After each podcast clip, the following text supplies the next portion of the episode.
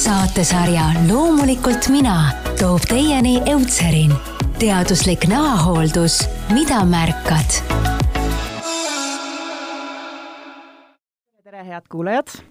Anne Stiili Eutserini podcast Loomulikult mina on järjekordse osaga eetris ja tänases saates me räägime teemal, mis puudutab tegelikult äh, kõiki naisi, ka laiemalt kõiki inimesi, me räägime naha vananemisest ja me arutleme siin stuudios, kas on võimalik seda natukene edasi lükata ja millist nahahooldust meie nahk tegelikult vajab. ja eesmärk siis üks, et püsida kaua noor ja ilus ja nooruslik. Äh, minu vestluskaaslasteks täna on äh, dermatoloog Kaisa Viljar ja nahahooldusbrändi Eutserin koolitusjuht Kaide Kulua ja tema teab apteegi kosmeetikast kõike, nii et Äh, olen elevil, mina olen Mari-Liis Elvik, Anne Stiili peatoimetaja ja asume siis jutuga algusest minema. Äh, kõigepealt tere tulemast, äh, Kaisa ja Kaide! jaa, tere! tere! sissejuhatuseks küsin teie käest sellist asja, no teie silmad on nahahoolduses ja nahahooldusküsimustega seotud väga kogenud. kui te näiteks vaatate mind või vaatate naisi tänaval, kas te saate aru, et, et vot see naine tegeleb enda nahahooldusega ja siis teise puhul, et vot tema ei tegele, kas on selliseid visuaalseid asju? jaa, aga kui mina näiteks sind vaatan, siis on täiesti kindel see, et sinul on esi, esiteks ilmselt geneetiliselt väga suurepärane näonahk. vastab tõele vastab tõele jaa, et no näed, läks kohe täppi, et et kui geneetiliselt on tõesti inimesel selline suurepärane näonahk, siis väga hullu vaeva ei ole tõesti näha. et äh, piisab, äh, piisab noh, sellisest elementaarsest hoolitsusest, puhastusest, kreemidest, päikesekaitsest ja sellega, sellega nagu võikski täitsa piirduda aga kui sa nüüd küsid, et kas inimesele otsa vaadates võib nagu aru saada, kui hästi ta oma naha eest hoolitseb, siis noh, mitte alati, ma ütleks, aga väga tihti ikkagi saab aru mm.. ja, ja ütleme, selle hoolitsuse all ma ei peagi silmas nagu otseselt sellist välist hoolitsust, kas inimene kasutab seal mingi kullasäraga kreemi või mingeid imetooteid, vaid, vaid pigem isegi nagu elustiil.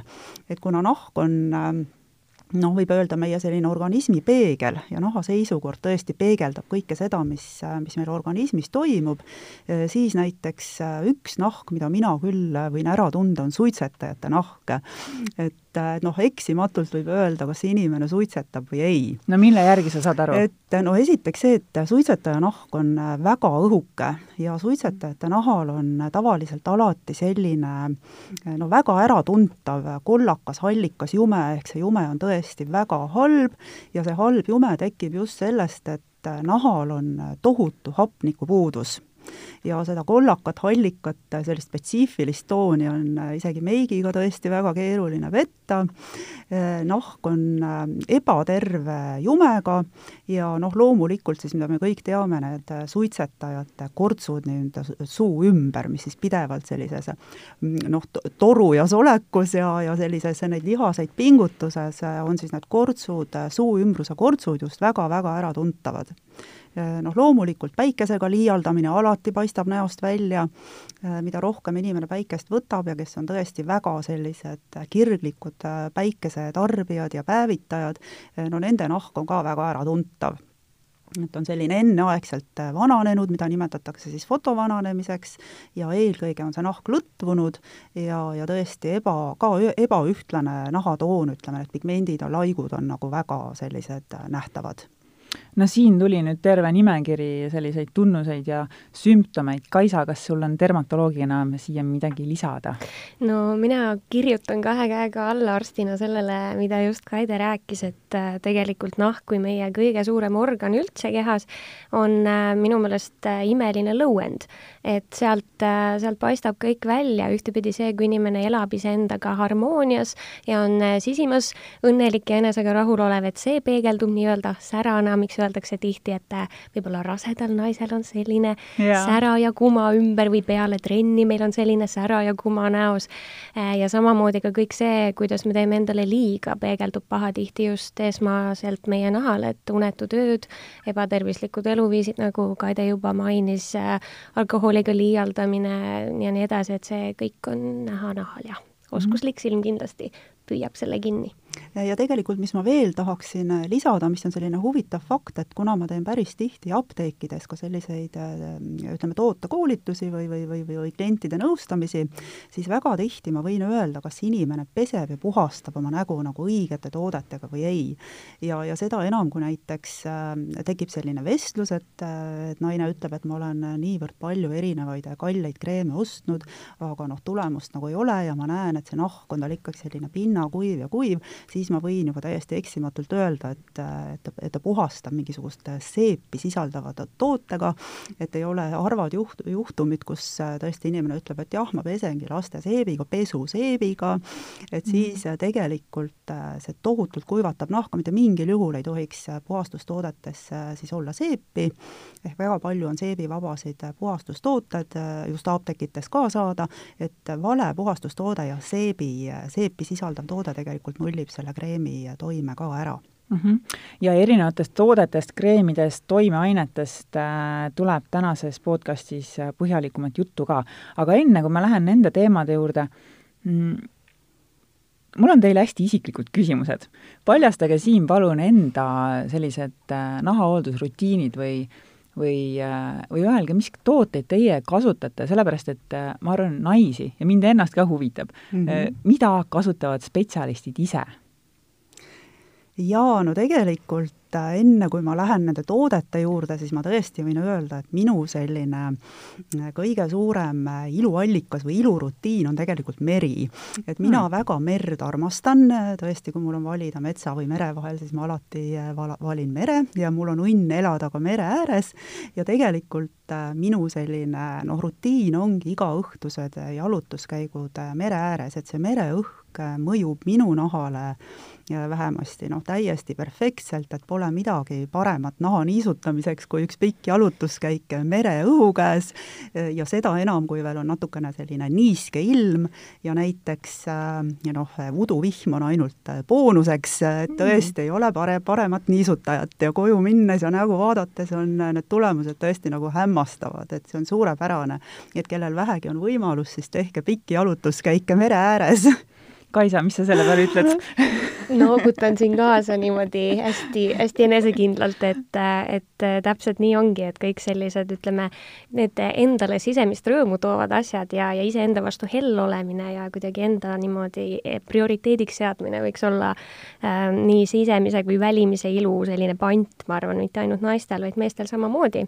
Aga kui Kaide siin juba merest rääkis, siis äh, jälle, kui isiklikumalt vastata, siis mina veel keeran natuke vinti üle ja, ja mina hakkasin harrastama nüüd väga agaralt sellist järves suplust, minul ei ole õnne mere ääres elada, aga järvi on küll palju Lõuna-Eestis ja ja sellised sügisesed suplused äh, toovad küll punapõskedele ja mhm. hea tuju pealekauba, nii et äh, sellised mittekosmeetilised vahendid võiks olla number üks, aga kui nüüd rääkida toodetest, siis äh, Kaide, mis on sinu iluarsenalis? Eh, no minu arsenalis mina võin küll öelda, et minu äh, kosmeetikariiul tegelikult on üsna pikk või noh, muidugi see on ka suhteline, on kindlasti palju naisi, palju inimesi, kellel on äh, neid tooteid tõesti noh, kümnetes või sadades, aga siiski minul on jah, neid kosmeetikatooteid päris palju ja mina, minule tõesti meeldib nagu katsetada, meeldib proovida erinevaid tooteid, ma viitsin mässata nendega, mida paljud võib-olla ei viitsi. Et mulle tohutult meeldib tõesti enda naha eest hoolitseda ja kuna ma töötan ka sellel alal, eks ju, siis pean ma juba kas või töö pärast ütleme siis noh, proovima, mis nii-öelda turul on ja ka enda tooteid ehk siis Eutseriini tooteid pidevalt nagu katsetama, et ma teaks inimkatsed, inimkatsed, inimkatsed enda peal kõigepealt. töötavad, ma ütlen vahele, need töötavad. kahju, et podcast ei näita pilte meile. just, oi aitäh et ja, ja, ja noh, muuseas niimoodi kõrvalpõikena võin öelda, et ma olen täiesti selle sarja juurde ka ise nagu kindlaks jäänud, aastaid kasutanud, et, et see minu, minule isiklikult väga hästi sobib, aga noh, mis, mis tooted nüüd kindlasti minu sellisel kosmeetikariiulil on, on puhastustoode, mulle väga meeldib mitsellaarvesi, mis on tõesti hästi-hästi mugav meigi eemaldaja, et ei pea olema nagu erinevat merigi eemaldajad seal silmadele, huultele, näonahale, et see mitsellaarvesi on nagu hästi-hästi mugav siis tervele näole, saab silmameigi eemaldada, huulemeigi, kogu näomeigi ja väga kergesti. et lihtsalt igaks juhuks ütlen, et mitsellaarvett ei tasu nagu kunagi niimoodi väga tugevasti vatipadjaga nühkida näonahka, vaid need mitsellid on teatavasti siis sellised väiksed justkui nagu magnetid, mis hästi tegelikult õrnal siis hooldusel nagu magnetiga tõmbavad selle mustuse välja. siis on mul kindlasti ka toonik, et hästi paljud on minu käest küsinud, et miks mul seda toonikut veel nagu vaja on või näovett, et noh, see on küll nagu täiesti ebavajalik toode, et siin ma tegelikult vaidleksin vastu, et see toonik on selline toode, mis no siis olenevalt näo ütleme, probleemist, kas nägu on siis rasune, tundlik, normaalne, et on olemas igale näotüübile neid toonikuid. Ja mis need toonikud teevad, on see, et kui nägu puutub veega kokku, siis alati tuleks toonikuga üle käia, ehk siis vesi väga kuivatab nahka tegelikult ja need toonikud lihtsalt äh, parandavad seda naha vastupanuvõimet, äh, et siis äh, järgmised nii-öelda need hooldustooted, kreemid lihtsalt imenduksid paremini. ja noh, loomulikult päevakreem väga kõrge SPF faktoriga, mitte enam viisteist, nagu lettidel on olnud, vaid, vaid SPF kolmkümmend, mida ma väga soovitan ka talvel kasutada, kõrget faktorit, mitte ainult suvel, seerum, öökreem ja silmaümbruskreem ja noh, lisahooldusena siis muidugi maskid ja koorijad. Kaisa, kuidas sinuga on? Et mis minu vannitooriivilt leiab, jah no äh, jah, minu jaoks võib-olla, mida ma pean pühaks, on, on täpselt samamoodi päikesekaitse, et see on kõige lihtsam, kõige odavam äh, ja kõige lollikindlam viis äh, investeerida ilusasse väljanägemisse mitte ainult täna, aga ka aastate pärast mm. -hmm. et äh, kõige parem äh, selline vananemisvastane ravi on ikkagi ennetus paraku, et seda, mis juba kunagi aastate jooksul kahju on tehtud, on palju kallim, tülikam kunagi ravida, kui et seda juba nooremas eas ennetada nii et jah, päikesekaitse on minu küll igapäevane selline salarelv ja, ja väga pean pühaks ka õhtust näo puhastamist, et see on minu jaoks nagu selline omaette rituaal, uhab ära kõik tööpäeva pinged et kui, äh, kui on ikkagi natuke sellist võib-olla probleemsemat nahka, siis ma lisaks siia mitsellaarveele veel juurde selle, et ikkagi ka spetsiaalsed näopesuvahud või pesukeelid võiks olla, äh, keda on võib-olla õnnistatud rohkem sellise ilusama, puhtama nahaga, kellel ei ole nahaprobleeme, siis teinekord piisab ka täitsa mitsellaarveest, aga kui juba on sellised ütleme, ebapuhtuse ilmingud rohkem näha, siis võiks olla seal mingi täiendav puhastusvahend kindlasti ka.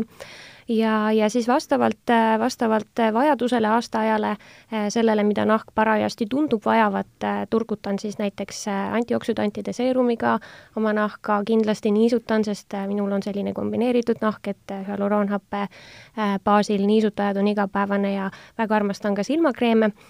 selles osas on muidugi erinevaid debatte, et kui nüüd lugeda maailma kirjandust, et siis kas silmakreemi on vaja või kas see on mhm. selline müügitrikk, siis jah, arvamusi on vastakaid, aga mille vastu ükski spetsialist ei vaidle, on see, et silmaümbruse õrn nahk vajab niisutamist. kui on piisavalt selline neutraalne tõhus äh, päevakreem, öökreem, siis võib seda kasutada silma ümber, äh, kui seal on juba aktiivaineid sees rohkem, selliseid näiteks nagu öökreemides, et kui seal ongi retinool või midagi taolist, siis pigem ikkagi valida see spetsiaalselt silmakreem on turvalisem mm. -hmm. no meil on täna hea võimalus, kuna dermatoloog on stuudios, ma küsin ära äh, selle küsimuse, mida, mida tahaksid teada kõik need, kes kannavad praegu maske mm -hmm. ja käituvad siis äh, vastutustundlikult seoses koroonaviiruse levikuga mm -hmm. maailmas.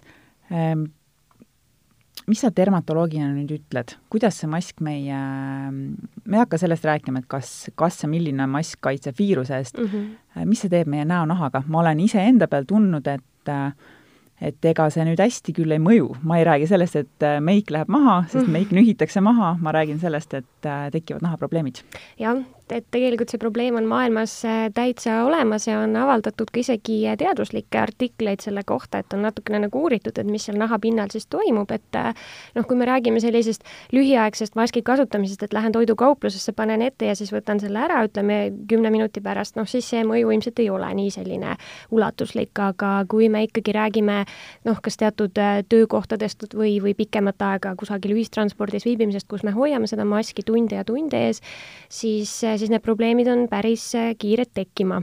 et äh, esiteks loomulikult see, et, äh, et see tekib selline umbne keskkond, eks ole mm. -hmm et see on ikkagi suletud, äh, suletud äh, nagu piirkond, äh, tekib võib-olla rasueritust, higistamist rohkem, sest me hingame kogu aeg välja sinna maski sisse, sinna tekib veeaur, niiskus, et, et kõik see muutub, samal ajal kui me veel liigume õues, eks ole, siis see veeaur, mis seal nahapinnal on, jälle sellises suletud umbses kasvuhoone keskkonnas, see hakkab sealt aurustama, see omakorda kuivatab, siis meie nahk üritab seda oma nii-öelda niiskustasakaalu uuesti säilitama hakata, väga selline umbne niiske rõske keskkond on suurepärane suurene pinnas bakteritel, eriti kui meil on veel seal mingisugune jumestuskreem või puuder, äh, sellised äh, pooride ummistumised, komedoonide tekked, põletikulised protsessid, lõpuks äh, täiesti selline tavapärane asi, rääkimata siis sellest, et kui noh, ütleme sellised võib-olla kangasmaskid või, või mitte nii väga survet avaldavad maskid, aga kui siin kevadisel ajal rõhutati ikkagi just näiteks meditsiinitöötajatel neid neid natukene, ütleme, tihedamalt näo vastas olevaid tõhusamaid maske, siis nende puhul tekib ka see friktsioon ehk see hõõrdumine mm. -hmm. et see tekitab lausa mehaanilise trauma sinna näopiirkonda, oleme ilmselt kõik näinud kevadest neid kurbasid Itaalia arstide pilte, kus, kus oli selline maskirandid näos, et et see kõik tegelikult on päris probleem. mida selle vastu teha, kindlasti tasub jälgida kõiki neid juhiseid, kuidas üldse õpetatakse inimesi maski kandma ja tasub pidada silmas seda, et sinna maski alla kindlasti siis vahepeal niimoodi oma kätega hõõruma ei lähe, sest et, et isegi kui me nüüd kasutame rohkem DES-vahendeid kui muidu, siis siiski meie käte peal puudutame vahepeal nutitelefoni, see bakterite hulk on eh, meeletu ja kui me siis vahepeal, ütleme, sinna maski alla lähme nina sügama, siis me lihtsalt süvendame seda probleemi. teine asi see, et võib-olla, võib-olla tasub silmas pidada, et kui me oleme mingisuguses olukorras, kus me peame seda maski püsivalt kandma päevas, siis iga kolme tunni tagant võiks seda maski vahetada, isegi kui see on selline ühekordne mask, sest et äh, siis me ka vähendame, esiteks kõigepealt suurendame seda, et ta meid suudab kaitsta, suurendame seda tõenäosust ja vähendame nende probleemide teket. ja kui on võimalik, siis muidugi, mida vähem meiki, seda parem, ilusat huulevärvi niikuinii keegi sealt maski alt ei näe, nii et äh, väike raha kokkuhoid huulepulga pealt kindlasti ja, ja siis võiks noh, võib-olla ekstra tähelepanu pöörata sellele, et me siis puhastame õhtuti oma naha korralikult ära, kasutame selliseid neutraalseid nahaniisutusi, kasutajaid ja, ja proovime siis seda probleemi mitte veel kord süvendada mm. -hmm. väärt nõuanded kõik äh,. Läheme tagasi enda saate põhiteema juurde, milleks on siis vananemine. ja ma arvan, et äh, kõigil meie kuulajatel on äh, vannitoa riiulil või buduaarikapil üks äh,, üks vananemisvastane kreem see on selline äh, turundatud kui selline äh, nooruse eliksiir ja siis äh, selline mhm. nooruse säilitamise allikas öelge nüüd, mis vanusest peaks tegelikult hakkama vananemisvastaseid äh, vahendeid kasutama? sellepärast, et ma olen äh, seda küsimust küsinud ka kosmeetikute käest ja meikarite käest, nemad ütlevad, et alates siis, kui hakka, hakatakse meikima, siis on vaja ju juba kasutada sellist taastavat vahendit mm. -hmm. aga millal nüüd tuleb mängu see vananemisvastane kreem, Kaide? Jaa, no see, kuidas vananemine täpselt alguse saab ja mis protsess see tegelikult on, Kaisa võib-olla oskab pärast paremini rääkida. mm, -hmm, aga jaa, aga võib-olla, et mis vanusest nüüd hakata tõesti neid vananemisvastaseid kreeme kasutama, noh iseenesest see väljend ise juba vananemisvastane kreem võib olla noh, või need anti-age tooted ei ole nagu kõige õigem just selles mõttes, et, et Kaisa võib mind parandada, aga vananemine siiski algab juba aasta, kahekümne viiendast eluaastast, kas see on ma nii? ma isegi jälle läheks veel kaugemale, ütleks, et laiemas mõistes naha vananemine algab sellest hetkest, kui me silma sünnime. Jah, seda küll. bioloogilised protsessid lähevad käiku. jaa, ja, ja tegelikult äh, noh, kui ma räägin nüüd äh, näiteks äh, noh, näiteks toon Eucerini seerumit siia mängu, siis, siis esimene selline tugeva um,, noh, üsna selline tõhus ja tugev toime on hüaluroon filler geelias selline seerum, mis on täpselt välja töötatud juba vanusest kakskümmend viis. ja, ja mis ma tahaksin öelda, ongi see, et mis me ise ka klientidele räägime, et tegelikult nende toodete valikul ei ole üldse hea mõte nagu lähtuda, ütleme, vanusest.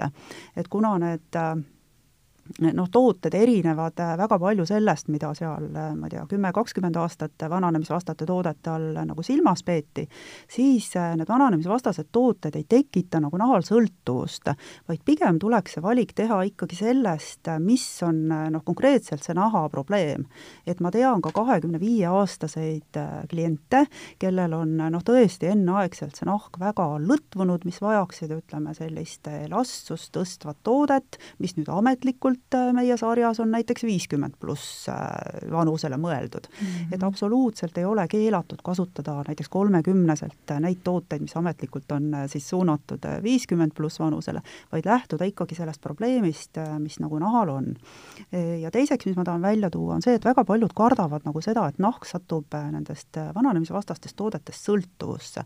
et noh, kui ma hakkan tõesti seal kolmekümneaastaselt kasutama juba mingeid tõhusaid vananemisvastase kreeme, et mis, mis ma siis teen, nelikümmend pluss ja viiskümmend mhm. pluss, eks ju, et noh, siis ei võta üldse nahk enam midagi vastu, et tege-, tegelikult need tänapäeva tooted on suunatud just sellele, et nad ei tekitaks sõltuvust, vaid nad ise nagu stimuleerivad nahka tootma siis neid vajalikke aineid, mis, mis vananemist põhjustavad, ehk siis kollageen ja hüaluroonhape eelkõige, et need on nagu sellised bioaktiivsed ained ja noh, kui me räägime ka vananemisest, siis ütleme tänapäeval nende nii-öelda kortsukreemide või anti-age toodete eesmärk ei ole siis võidelda kortsudega, et see on nagu väga selline eh, noh, keeruline protsess ja kortsudest, eh, olgem ausad, ega ükski kreem neid kortse päris ära ei võta, eks ju, et et siiski ennetamine on nagu see, eh, mida me saame oma naha heaks teha ehk mida varem alustada selle ennetamisega, eh, seda, eh, seda hiljem see vananemisprotsess nagu tegelikult eh, peale hakkab ja me saame lihtsalt seda nahka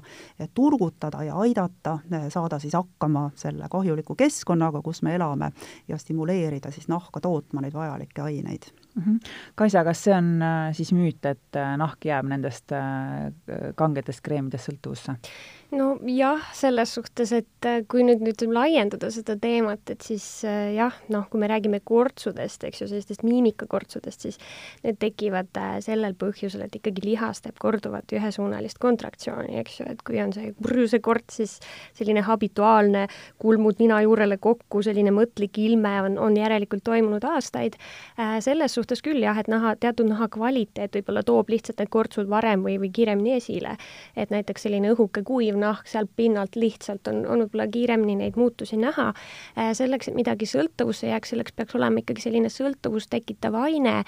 kahtlen, et tänapäeva kreemides ühtegi mhm. meditsiiniliselt lubatud sõltuvust tekitavat ainet on, et ma pigem klassifitseeriks selle müüdi alla, jah Mm -hmm. aga see teema iseenesest on väga põnev, et äh, üldse see, see naha vananemine, et võib-olla natuke laiendaks seda teemat veel, et äh, jaotatakse siis naha vananemisega seotud põhjusi sisemisteks ja, ja välimisteks.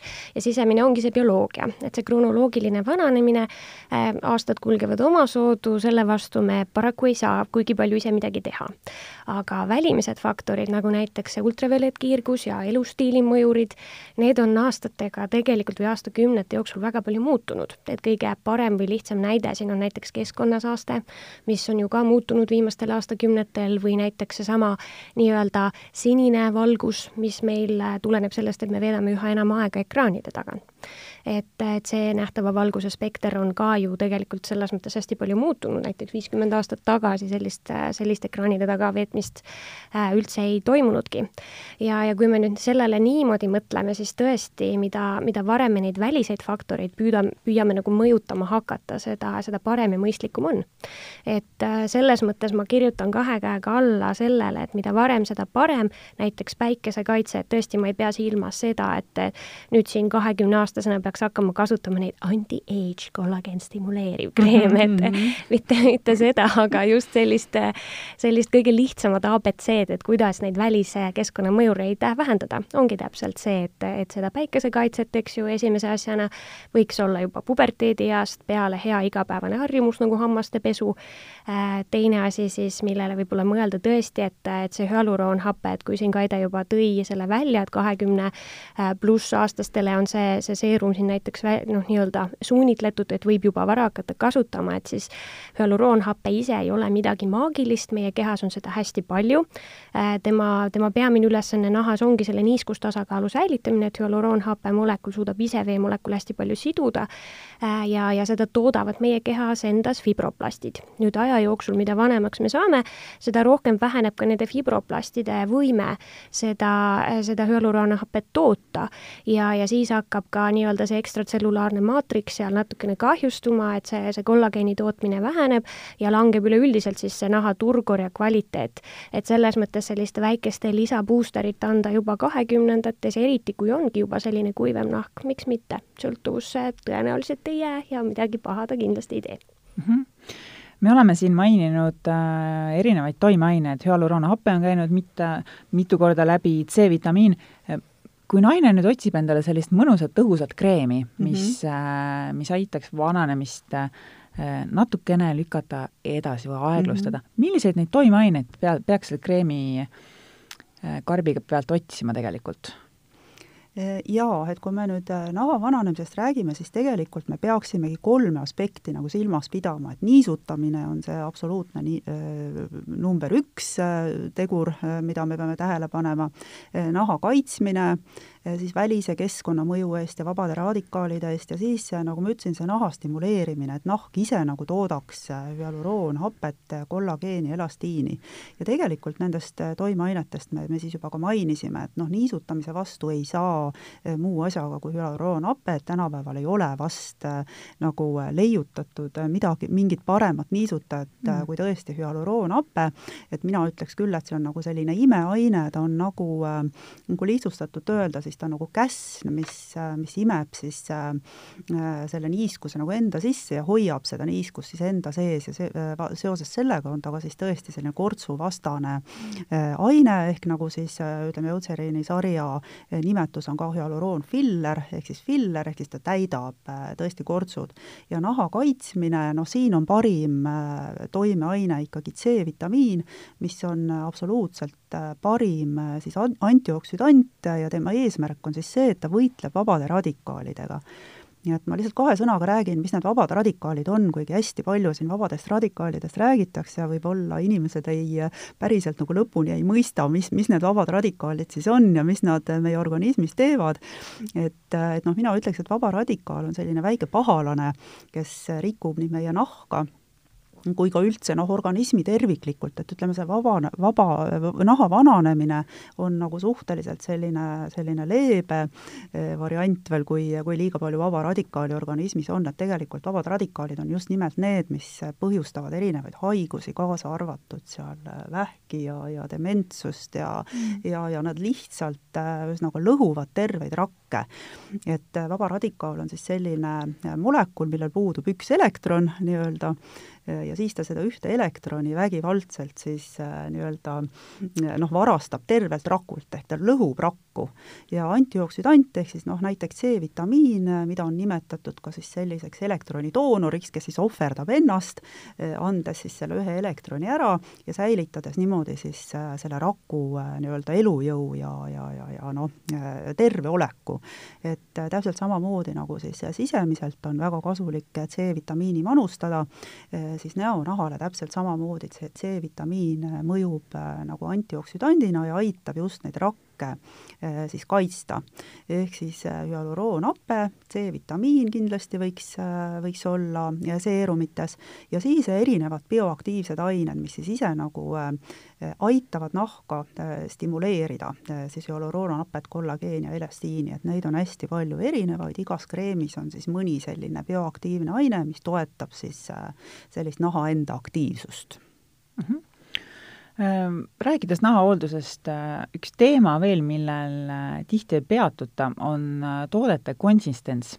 kui me vaatame ilupoodides iluriiulite ees, siis meil on saadaval erinevaid eliksiire, toonereid, mainitud mitsellaarveed, geelid, kreemid, võided, kas tegelikult äh, selle toote toime sõltub kuidagi sellest kujust, mis kujul ta on meieni siis äh, antud?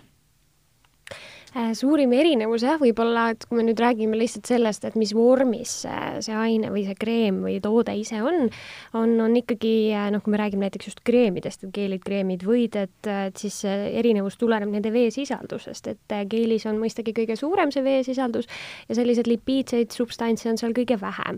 losjoonis on juba natuke rohkem, kreemis siis veel rohkem lipiidseid substantse ja noh, võided on siis juba peamiselt ainult sellise nii-öelda rasvaine baasil.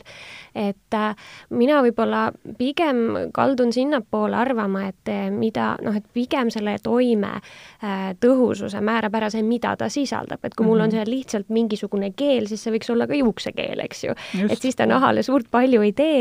Eh, et, et võib-olla jah, pigem, pigem see efektiivsus tuleneb nendest toimeainetest, mis on selle konkreetse toote sees. aga jah, tõesti seda, seda võib-olla silmas pidada võiks, et vastavalt oma nahatüübile võiks valida selle toote vormi, mis on, mis on just sulle sobiv, et kui me räägime sellisest rasusemast nahast, siis selge see, et sellised lipiidsed ained võivad jätta nahale äh, veel sellise nii-öelda õlisema kihi peale, äh, mis, mis ilmselgelt äh, võib-olla ummistab veel rohkem poore, et siis ei, siis on just sellised keeljad tooted, mis kergemini imenduvad, parem valik. teine asi ka võib-olla, et tõesti suvisel ajal palavatel päevadel sellist keeljat toodet on lihtsalt oluliselt mugavam nahale kanda. nüüd vastupidi, talvisel, sügistalvisel sellistel, ütleme, ilmastikutingimuste muutumise ajal oleks igal juhul mõistlik oma nahka just natuke rohkem toetada nende suuremate lipiidide sisaldusega toodetega, et sellist, ütleme, jäise põhjatuulega talvel, no ei kipu käsi seda keeli mm -hmm. peale panema, nii et selline enda sisetunne enamasti peab paika mm. -hmm. hästi. jaa, et, et kuna õlid on võib-olla natukene selline äh, Mm, äh, no mitte tabuteema, aga inimesed millegipärast kardavad äh, neid õlisid, et, et just Eesti inimene, ta ei ole harjunud või ei soovi nagu neid õlisid kasutada, aga näiteks äh, huvitav on see, et erinevad õlid on täiesti olemas ka näiteks rasusele nahale ja põletikulisele nahale. Mm.. ja noh, nende õlide selline eesmärk tegelikult siis on anda signaal näonahale, et, et seda rasu on nagu piisavalt ja ei ole vaja seda rasu siis nagu rohkem juurde toota et võib vabalt ka näiteks rasusel nahal kasutada siis, siis seda õli. ja eriti, kui me õlidest ka räägime, et siis samamoodi kehahooldused, inimesed, keha, kehahoolduses või kes, kehapesuvahendites inimesed sageli kardavad seda õli. et kui toote nimetus on näiteks dušiõli, et noh, siis mõned käivad sellest kaarega mööda, et kuidas ma õliga nagu enda keha siis pesen, et pärast olengi selline õline, et noh, päris kindlasti see ei ole nii, et, et need dušiõlid on väga sellised see on päriselt lihtsalt ravikomponent, et haiglaravil ka kasutame õlivannid, õlidušid parim. soovitan väga, eriti talvisel ajal. jaa, õlidušid ja, ja mm -hmm, väga õige, äh, väga õige ja nad ei jäta mitte mingisugust paksu õlikihi nahale, kui me need veega maha peseme, et vastupidi, see nahk on ülipehme, üliniisutatud. hea laisa inimese viis, et, et pärast ei pea nii palju kreemitama nahka. ei pea üldse kreemitama. täpselt, kergemal juhul ei pea tõesti üldsegi pärast kreemitama, et, et selles mõttes ei, ei, ei, ei pruugi nagu õlisid karta. hästi, ma küsin äh, järgmise küsimuse, Kaisa, sinu käest. dermatoloog on stuudios, sa pead meile ütlema, milline on selline eeskujulik äh, nahahooldus ja ma paneksin siia mm, vihjeks sulle vanuse nelikümmend pluss, sest et ma arvan, et see vanus on täpselt see, kui äh, need esimesed või nagu sellised olulised ja tõesti ka märgata iluvead hakkavad nahal siis välja tulema mm. -hmm no naha sellise hoolduse seisukohast ma pean kõige, kõige olulisemaks selliseid hästi lihtsaid ja fundamentaalseid asju.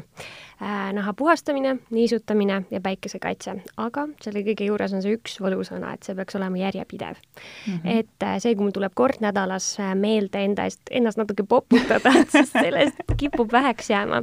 et, et kui me hakkame õhtust pihta, et siis on see aeg, kus enamasti on, on võib-olla niikuinii sinna vannituppa minek ja hammaste pesu plaanis, et siis võiks olla see naha puhastamine selline tõesti rituaal. Ja, ja selleks võiks võtta aega, miks mitte teha endale mõnus näomassaaž selle näopuhastusega üksiti koos.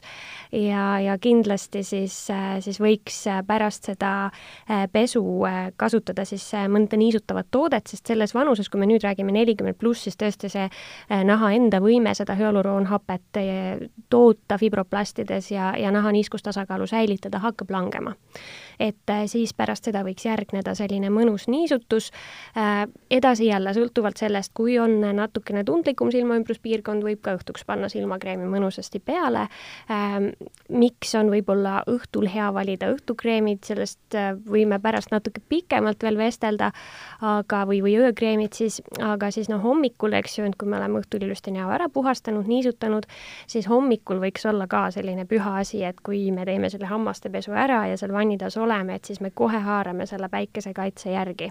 sellepärast, et sellised vanusega kaasnevad ka pigmendimuutused, solaarlentiigod ja, ja muud taolised, no tegelikult noh, just, just selles vanuses hakkavad taas probleemiks muutuma, et see võiks olla selline igapäevane harjumus ning jah, mida palju küsitakse, ka talvel, ka pilvisilmaga kindlasti, vähemalt kolmkümmend faktor kõige lihtsam viis, et et üks asi on noh, mis me täna siin võib-olla rohkem keskendume sellele esteetilisele poolele, aga kui me räägime ka noh, mida üldse see füüsikaline ultraviolet kiirgus meie organismile teeb, et kõik need nahakasvajad, melanoomsed, mitte melanoomsed nahakasvajad, pahaloomulised, tihtipeale, kui nüüd vanemas, just ilmnevadki sellises vanemas keskeas ja, ja, ja ütleme seal viiskümmend pluss, kuuskümmend pluss inimesed tulevad, ütlevad ei, aga teate, ma üldse päikest ei võta, siis, siis mulle meeldib ikka öelda, et nahk on nagu elevant, et tal jääb kõik meelde et need on need aastate jooksul saadud see kumulatiivne kiirguse koormus, et kui meil nooremas eas meie organism suudab hakkama saada väga ilusti nende DNA mutatsioonidega, mis siis selle füüsikalise kiirguse toimel tekivad,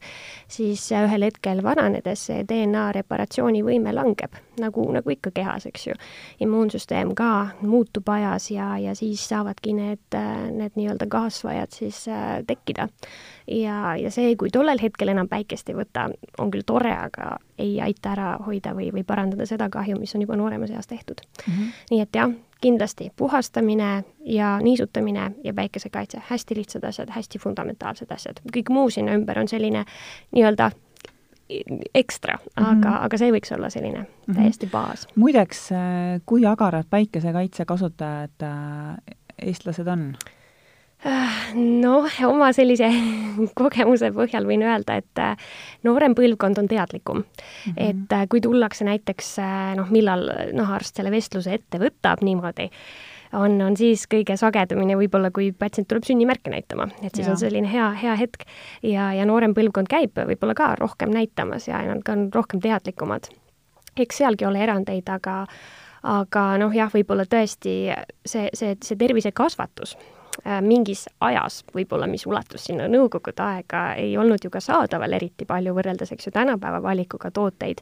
teine asi, teadlikkus, et, et võib-olla tõesti selles mingis teatud, ütleme, sihtgrupis või valimis võiks olla parem ja, ja, ja noh, loomulikult on ka neid võib-olla nooremaid, kes, kes veel ei anna endale noores eas aru, et, et peaks see olema regulaarne. aga tavaliselt eestlased on väga kuulekad, et kui selline natuke näpuvibutust teha, siis, siis kõik noogutavad ja lubavad, et hakkavad kasutama. jaa, ja ma loodan ka, et need, kes praegu seda saadet vaatavad, äh, kõigepealt vaatavad enda kreemi peale, kas seal see SPF faktor on, ja võib-olla helistavad ka oma emale ja sõbrannale ja küsivad, et kas sinu omal ka on. just, ja ma väga loodan, et, et, et äkki see solaariumite kultus nagu hakkab kuskile ajalukku jääma, et, et see on küll üks asi, mida mina nahaarstina ei, ei rakenda ise ega ei soovita ka mitte kellelegi teisele kas sa endiselt näed enda praktikas, et inimesed käivad solaariumis? kahjuks peab vastama, et jah. mitte, mitte võib-olla jah, enam nii massiliselt, aga on. ja ütlevad, et aga pruun nahk näeb nii palju ilusam välja ja siis ma pean sellise väikese epistli teemal, et igasugune pruun jume on juba tegelikult märk naha kahjustusest, et, et see on juba. see, isegi kui me ei saa päikesepõletust, siis see jume teke juba tegelikult näitab, et liiga on tehtud endale. Keha üritab ennast kaitsta niimoodi. jaa, ja eriti praegusel ajal, kui on ju saadaval väga laias valikus erinevaid äh, pruunistavaid tooteid. jah, ma arvan, et äh, see raha, mis läheks solaariumitesse, võiks investeerida hoopis mujale. jaa äh,, sa mainisid nüüd äh, teatud selliseid etappe ja, ja ka tooteid äh,, mis võiksid igapäevasesse nahahooldusesse kuuluda, selle rutii-, rutiini juurde kuuluda.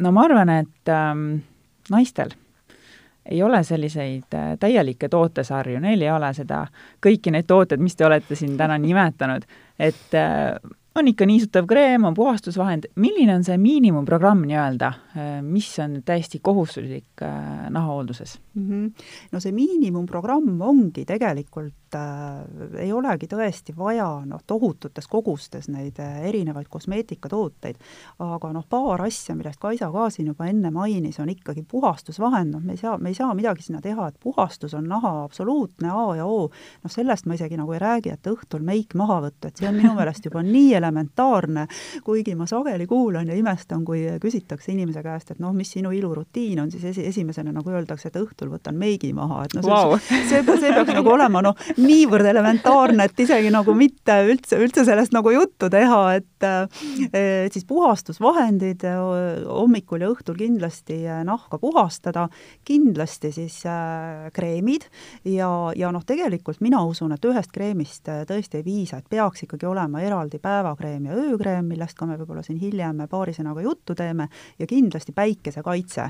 ja tegelikult mm noh, minu meelest ongi see selline miinimumprogramm, et noh, lisaks võib muidugi sinna veel lisada siis koorijaid ja maske ja erinevaid selliseid asju, aga ütleme, need kolm toodet oleks tõesti selline must have ja võib-olla natuke lisaks, et tõesti, et kui vahepeal, kuigi tänapäeval see valik on nii ahvatlev, siis, siis võib-olla mingid, noh, Kaidet väga usaldan, et Kaidel on see know-how täiesti olemas, aga et võib-olla kui endal ei ole seda taustateadmist nii head, et siis selliseid pimesi inimkatseid enda peal tegema ei tasu hakata, et nüüd ma, nüüd mul tulid esimesed vananemisilmingud, nüüd ma ostan kõik kokku.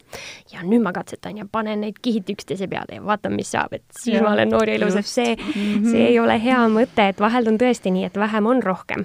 et oma teadmatusest võib tegelikult nahale kasu asemel hoopis kahju äh, teha mm. niimoodi, kui mingeid väga selliseid tugevaid aktiivaineid äh, koos kasutada, et ma võin mõned näited tuua, et kui me näiteks glükool ja salitsüülhappeid sisaldavaid tooteid kombineerime siis A-vitamiini derivaatide retinoididega, eriti kui on tundlik nahk, siis me võime sinna saada sellise tugeva punetuse, ketenduse, halvemal juhul veel ärritusest tingitud nahapõletiku, et sellist, sellist eksperimenteerimist väga, väga tõesti ei soovita, alati tasub nõu küsida spetsialistilt, kui on äh, küsimusi. tänapäeval ju suurepärane võimalus, lähed apteeki ja enamasti juba seal on inimestel see know-how olemas mingite teatud äh, aktiivainete kohta mm et äh, jah, selles mõttes küll. ja mille ma veel võib-olla tooksin välja, et tänapäeval jälle see tootearendus on nii kihvtiks äh, läinud, et on sellised kaks ühes tooted olemas, et kui nüüd mõtled, et no mis see miinimumprogramm on, et ma nagu kohe üldse ei viitsi ja väga mm -hmm. ei taha ka nagu investeerida mingi kümnesse erinevasse potsikusse, et siis võib-olla tasub vaadata sellise pilguga, et, et kus on nagu kaks ühes, et, et näiteks kui on juba olemas õrnkoorija ja selle kõrval seerum, et, et noh, näiteks hüaluroonfilleri seerum, kus juba on see alfa-hüdroksühape ja see seal sees on ka kohe juba see niisutav seerum, et sa ühele pumba vajutusega saad kaks asja korraga, et säästab nii aega kui ka siis peegli ees kuluvat, nii raha kui peegli ees kuluvat aega, et mm -hmm. selliseid asju tasub võib-olla otsida ja siia ma lisaksin ka tõesti, et tänapäeval ongi sellised hübriidtooted või nagu hübriidseerumid, et, et erakordselt mugav, et sa saadki, ütleme, kui noh, mingi aeg tagasi oli see seerum ikka selline toode, et sa pidid sinna kindlasti siis kreemi peale panema, siis, siis tänapäeval on tõesti sellised seerumid, sellised noh, hooldustooted, äh, näiteks kui ma nüüd Etserinist räägin, siis äh, selline öine koorja seerum, mis tõesti sisaldab ka AHA-happeid, aga ta ei olegi nagu ainult seerum ja ainult koorja, vaid äh, samas on seal ka täiesti olemas juba niisutav hüaluroonhaptoon, ehk sul ei olegi muud nagu öiseks hoolduseks vaja, kui siis see üks toode. ja täpselt samamoodi C-vitamiini seerum, mis on siis väga hea näiteks hommikul kasutada, et ta on ka nagu selline emulsioon, mida võib-olla ei saagi puhtalt seerumiks nimetada, et piisabki täiesti nagu ühest toodest, tood-, väga tõhusast tootest, et väga, väga mugavaks on läinud see elu meil küll mm. -hmm. sa mainisid ööseerumit. no selle mm -hmm. seerumiga oli minul selline kogemus, et et vaatasin, et töötab öösel väga hästi, et panen hommikul ka. ja siis, kui ma seda ühele inimesele ütlesin mm, -hmm. siis ta ütles, mhm. et kuule, stopp, see mm, -hmm. see seerum ei kannata valgust ära, seda hommikul kindlasti kasuta. no mis värk on nende öö- ja päevatoodetega, mille poolest nad eri, eristuvad ja miks on vaja siis äh, öö, öösel ikkagi mm -hmm. kasutada vastavat toodet ja hommikul siis ikka hoopis, hoopis teistsugust? Äh, ja jah, vot ongi, et kui me nüüd sellest seerumist konkreetselt räägime, siis siin äh, sisaldub äh, ahahappeid, mis ei taha üldse saada, ütleme, sellest UV-kiirgust, see võib lihtsalt mhm. tekitada selliseid pigmendilaike, et noh, konkreetselt see on nüüd tõesti mõeldud ööseks.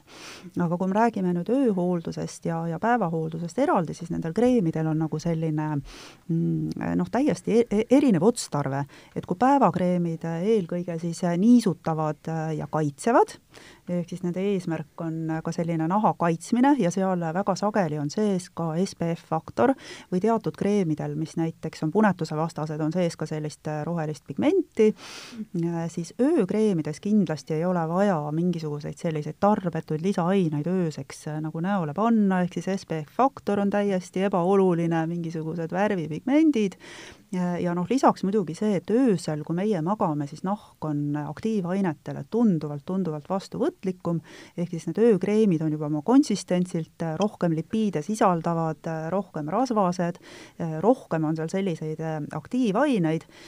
Ja, ja noh, see ka, et kui päevakreemid sobivad imehästi ka siis näiteks meigi alla, siis noh, öökreemi meigi alla väga ei soovita panna, kuna ta on tõesti väga selline rasvane, tummine, aga tal on lihtsalt siis selliseid toiteaineid rohkem.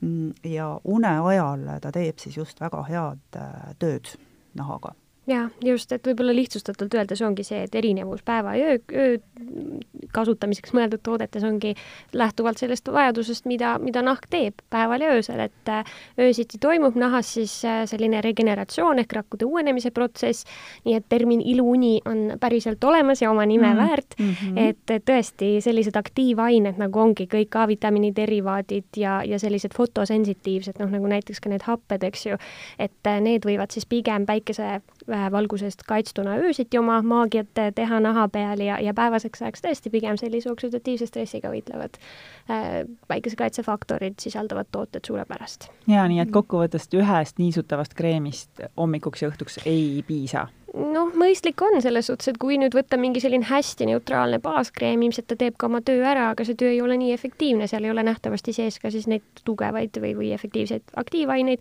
ja ilmselt ei ole seal sees ka näiteks päiksekaitsefaktorit, et ja, siis tuleks kindlasti. need asjad niikuinii juurde osta või no, või noh, soetada, et selline noh, jah, maitse asi, ütleme.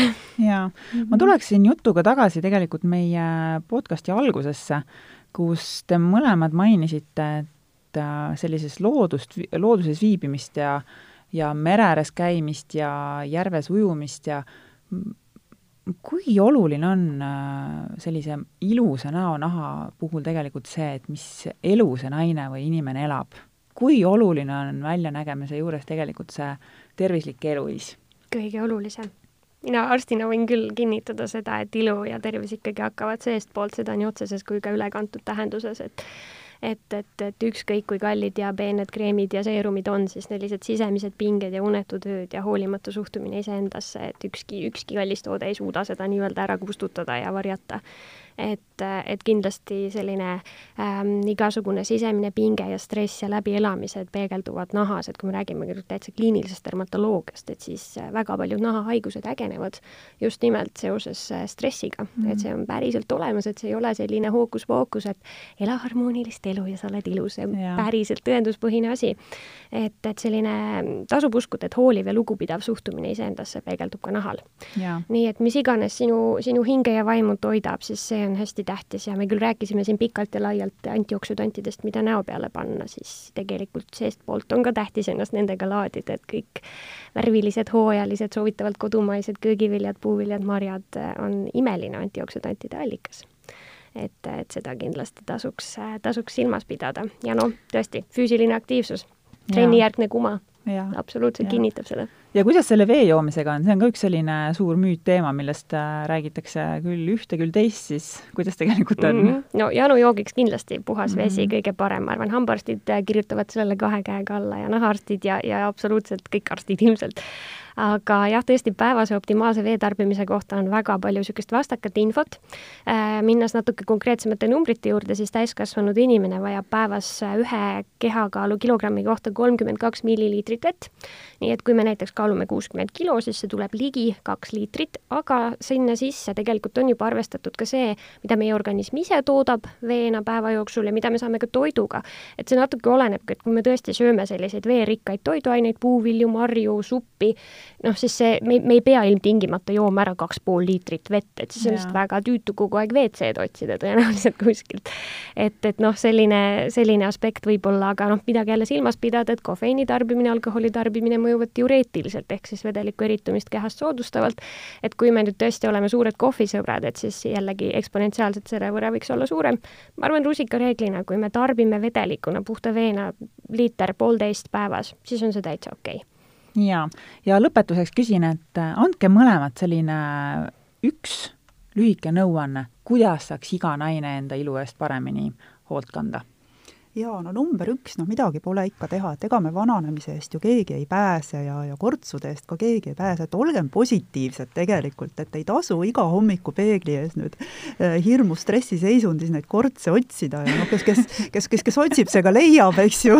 nii on et juba kahekümnendatest. just, just, et noh, eelkõige ikkagi mina olen sellise holistilise maailmavaate poolt nagu, et me peame äh, oma, oma tervise, oma meeleolu eest ikkagi hoolitsema ja need kõik need välised, ütleme, kreemid, näohooldusvahendid on ülitähtsad ja nad aitavad meid väga palju, et see lihtsalt tegelikult siis toetab meie sellist, sellist, sellist välist ilu.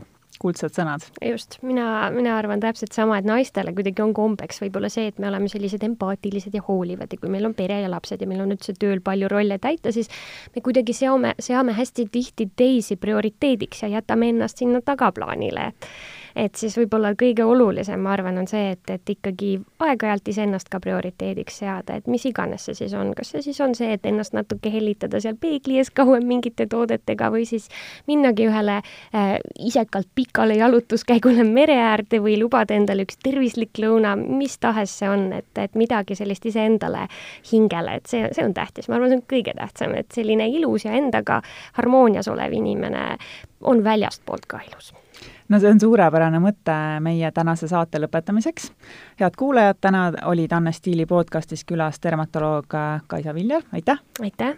ja nahahaldusbrändi Eutserin koolitusjuht Kaide Kuloa. jaa, suur aitäh kutsumast! aitäh kuulamast, aitäh tulemast ja nahahooldusteemadel peatume peagi taas. kõike ilusat, ilusat nädalavahetust! saatesarja Loomulikult mina toob teieni Eutserin. teaduslik nahahooldus, mida märkad